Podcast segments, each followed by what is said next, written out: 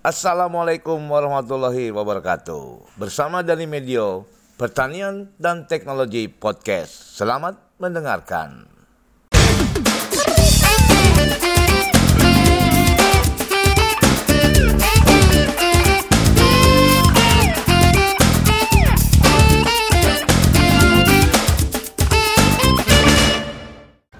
Assalamualaikum warahmatullahi wabarakatuh. Salam pertanian. Kembali bersama dari Medio. Episode kali ini adalah episode uh, yang agak berbeda karena ini adalah liputan saya ketika di Bangka Belitung tentang integrasi sawit sapi. Nah, saya sempat mewawancarai seorang peneliti dari Badan Litbang Pertanian yaitu Profesor Dr. Samsul Bahri yang mendampingi dalam pembinaan di kelompok tani tunas baru di Bangka Belitung, tepatnya di Bangka Tengah. Bagaimana kelompok tani tersebut menerapkan inovasi integrasi sawit sapi. Mari kita dengarkan penjelasan Profesor Dr. Samsul Bahri. Kelompok Tani Tunas Baru merupakan laboratorium lapang kegiatan integrasi sawit sapi sejak tahun 2015. Badan Litbang Pertanian melalui Pusat Penelitian dan Pengembangan Peternakan beserta Balai Pengkajian Teknologi Pertanian Bangka Belitung melakukan pembinaan dengan memberikan inovasi teknologi khususnya pemanfaatan potensi biomasa yang melimpah yang bisa menjadi sumber pakan ternak. Antara lain, pelepah sawit dan hijauan di bawah tanaman kelapa sawit. Selain limbah pelepah sawit, ada hasil samping industri kelapa sawit berupa lumpur sawit, bungkil inti sawit, yang dapat digunakan tambahan sebagai bahan baku pakan ternak. Baik Sobat Tani, saya sekarang uh, bertemu dengan uh, Profesor Samsul Bahri yang yang memang dari awal ya Pak ya, dari uh, awal uh, terjadinya sekarang jadi integrasi, kampung integrasi sawit sapi. Pak Samsul bisa cerita nggak Pak Samsul? Sampai hingga sampai saat ini saya melihat ini tadi dari Pak Nurohim cerita udah sampai 20 lebih ya kelompok hmm. yang ada uh, mengikuti uh, inovasi integrasi sawit sapi ini Pak? Ya, oke okay, baik. Uh, jadi gini, memang di uh, Bangka Belitung ini uh, pada tahun 2015 mereka kelompok uh, tunas apa namanya uh, ini mulai mendapat program bantuan dari Dirjen PKH sebenarnya dari pusat. Oh, Dirjen PKH. Awalnya, awalnya. Sapi itu. Tapi itu belum uh, menggunakan uh, sawit sebagai bahan baku pakannya. Oke. Okay. Nah, di dalam perjalanannya karena ini daerah sawit, nah jadi kita dari Badan Litbang dan BPTP yeah. masuk untuk mengintroduksikan teknologi uh, pakan sapi berbasis sawit itu. Pakan sapi uh, berbasis sawit, sawit ya. ya. Nah, jadi itulah yang kita datang dengan Ibu Kapus ya, kemudian dengan BPTP, kemudian kebetulan kelompok uh, petani di sini, kelompok uh, tunas uh, baru baru ya, itu uh, sangat ingin mengembangkan sapi ya. Nah, jadi supaya uh, waktu kita tanya apa kendalanya adalah salah satunya sumber pakan. Nah kita bilang itu kan ada sawit banyak. Nah sawit itu uh, hasil sampingnya bisa dijadikan uh, bahan pakan sapi. Nah, bagaimana caranya? Ya udah kita lakukan bimbingan. Nah, itulah kita masuk dimulai tahun 2015-16 itu kita secara intensif memberikan bimbingan kepada mereka ini. Nah, di situ kita undang profesor-profesor yang dari Litbang ya, ya. dari ahli pakan uh, ternak seperti Profesor Wayan Mateus ya. Kemudian Bapak ya. Ya. nah, terus uh, kita uh, buatkan juga apa namanya anggaran dari kita untuk melakukan pembimbingan selama lima tahun. Oke, jadi kita nah, jadi, kasih input dulu pak ya? Iya, kita iya. input. Jadi mulai dari awal tuh kita kenalkan cara memelihara sapi yang terbaik begini caranya, cara mengetahui umurnya, cara melihat pertumbuhannya dan sebagainya ya.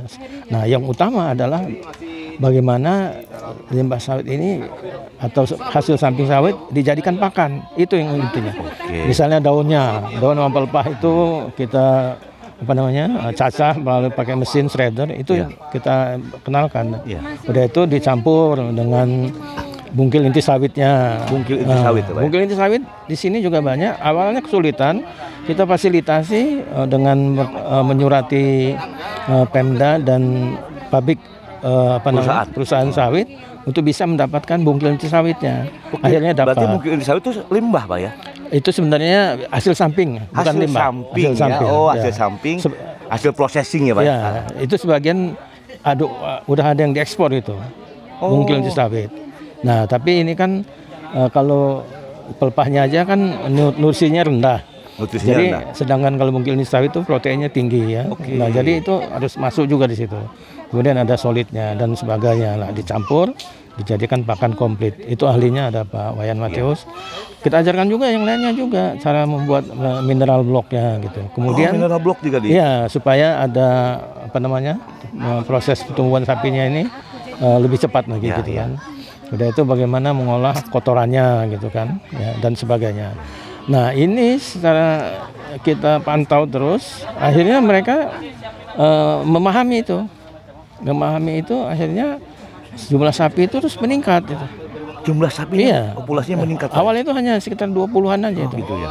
Nah setelah itu em, meningkat ya kemudian eh, kelompok ini kelompok tunas baru, tadi itu juga eh, ki- pembimbingan kita kan polanya eh, sekolah lapang pak Oke. sekolah laboratorium dan sekolah lapang. Oh LL-nya pak, Iya. lapang ya dia. ya? Jadi LL-nya ini laboratorium lapang ini yang ada di Nuas Baru. Heeh. Nah kelompok-kelompok yang ada di Bangka Tengah ini terutama ya ikut belajar di situ. Wow, jadi Iya. dengan cara sekolah lapang itu pak? Iya. Heeh. Jadi dia belajar di laboratorium lapangnya itu di Tunas Baru itu.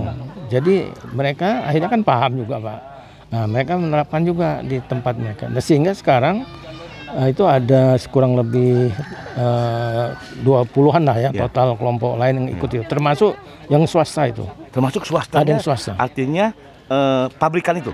Eh, swasta peternak Oh, swasta peternak yang, yang bukan jumlah- eh, bukan eh, bukan rakyat ya, lagi ya, ya. Artinya skalanya mulai besar. besar. Ada yang 50, ada yang 100 itu. Nah, itu ju- ikut dia menerapkan itu. Itu baru Kabupaten eh, Bangka Tengah saya pak.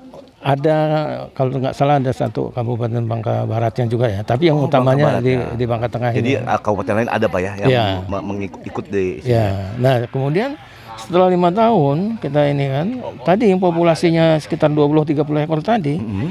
itu sudah berkembang menjadi yang ada sekarang itu 220-an. lah. Wow. Tapi ada juga yang sudah dijual, mungkin kurang lebih 50-60. Jadi udah hampir 300 sebenarnya itu.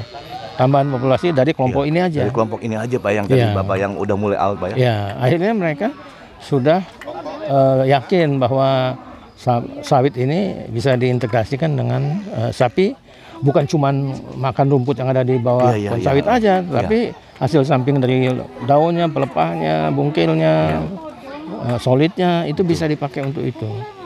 Nah, akhirnya itulah makanya akhirnya karena ini berkembang dan kelompok ini juga sangat apa namanya itu antusias ya. Antusias, eh, mereka apa semangat pak ya. Iya. Jadi eh, kelompok ini Tunas Baru ini sudah dijadikan itu Pak apa namanya pusat pusat ya pembelajaran pak. pusat pelatihan. Iya betul P4S itu. P4S itu kalau Itu di SK kan di- Iya, iya, betul. mendapat eh, pengakuan dari eh, Badan SDM ya. Iya, yang- Badan iya, Penyuluhan, Badan Badan penyuluhan Penyuluhan itu. Nah kelompok itu ini sudah men- sudah menjadi P4S hebat. gitu. Ya. Harusnya ini malah ada ada kelompok tani nih pak yang andalan pak ya ternyata si Iya. pak apa apa ketuanya minimal pak ya Betul. bisa ini. Itu Pak ini ya. Oh. Ini saya juga tadi eh, udah melihat di LL-nya Pak. Oh, udah, udah sana ya? Udah ke sana. Oh, iya, iya. Dan ternyata emang saya lihat yang di LL Cina jenis sapinya bermacam-macam Pak ya. Ya, karena tapi yang utamanya yang dominannya sapi Bali lah itu. Oke sampai Bali Pak ya. Oh. Tadi ada limosin saya lihat Pak. Ya, karena ada juga yang IB pakai Oh ada yang Ya. ibadah sehingga pakai pejan apa namanya semen yang dari sapi limosin. ya ya. Sehingga ada crossing turunannya yang itu. Kalau Pak Prof Pak Samsul ini melihat bagaimana sinergitas antara khususnya Kementerian Pertanian Badan Litbang Pak ya Hmm. eh, melalui Badan Litbang ini sinergitas dengan pihak Pemdanya seperti apa Pak? Eh, Kalau menurut saya sih dengan eh, Kabupaten Bangka Tengah ini cukup bagus kalau menurut Jadi saya. ada ada memang support dari Iya, mereka juga memberikan eh, support itu dan ikut memfasilitasi juga begitu. Iya. Saya juga melihat udah ada P4S berarti penyuluhnya di sini juga aktif Pak ya. Ya, Karena eh, untuk mendaftarkan menjadi Iya. P4S itu mesti ada penyuluhnya, kemudian yang binanya dinasnya juga berarti Iya. aktif Pak ya. Gitu.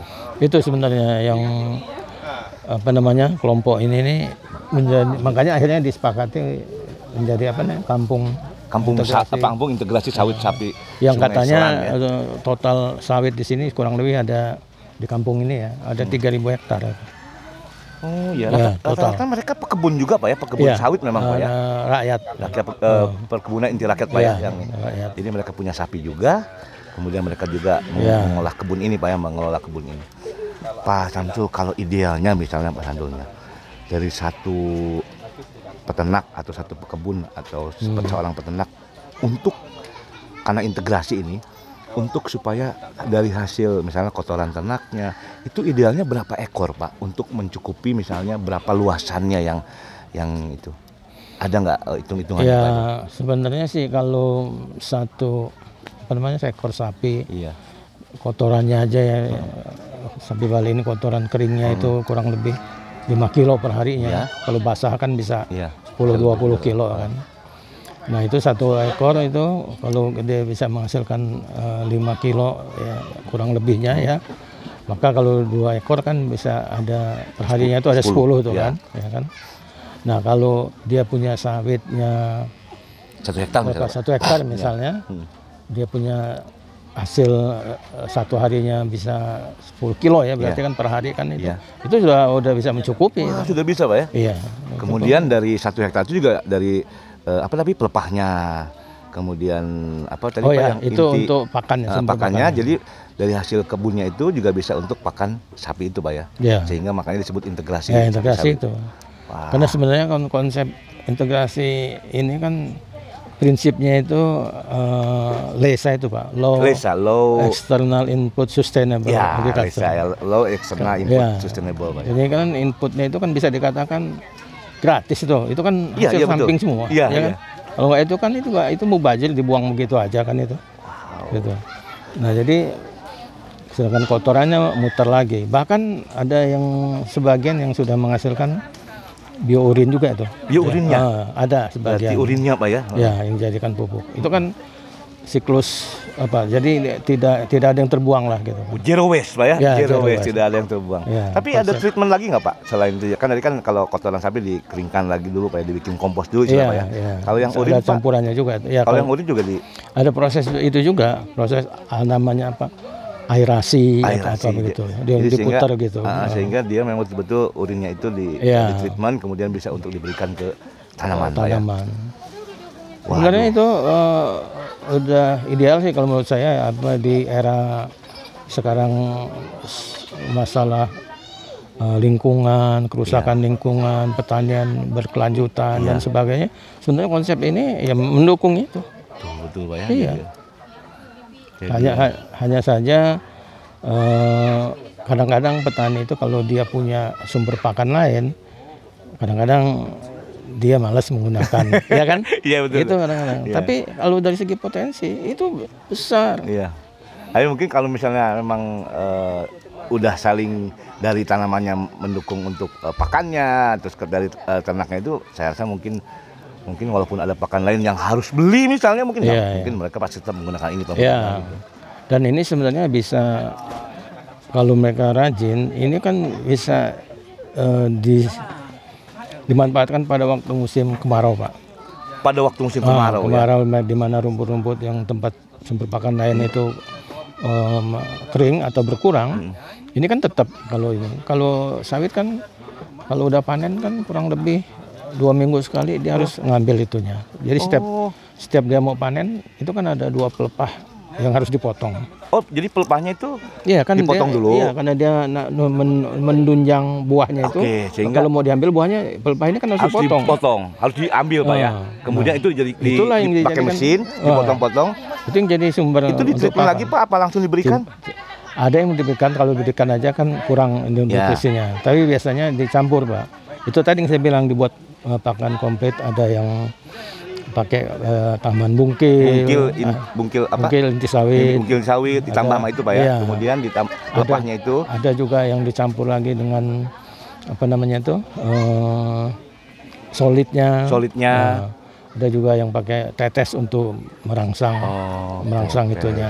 Kalau dia ada, tapi kalau nggak ada juga ya nggak apa-apa gitu. Oh, Ada mineral juga, cara mineral eh, pembuatan sendiri ya. Iya iya iya. Eh, Oh jadi eh, peternaknya itu dikasih inovasi itu pak ya? ya melo- apa tadi pak saya bilang tadi saya dengar tadi ada kayak proses fermentasi itu pak namanya pak silase apa Silase, pak ya iya. oh, dibuat silase Buat juga pak silase. makanya untuk kalau misalnya musim kemarau itu bisa Ah, itu bisa ah, dipakai. jadi diawetkan Hmm. gitu. wah itu bisa dipakai. ya berarti udah komplit pak ya peternaknya dapat Iya. inovasi dari Badan Litbang tuh udah dari mulai bagaimana mentreatment eh, Iya. dari tanaman itu pak ya So, yang yang sebenarnya yang intinya bagaimana kita memotivasi peternak itu supaya dia betul-betul berkeinginan untuk memanfaatkan itu.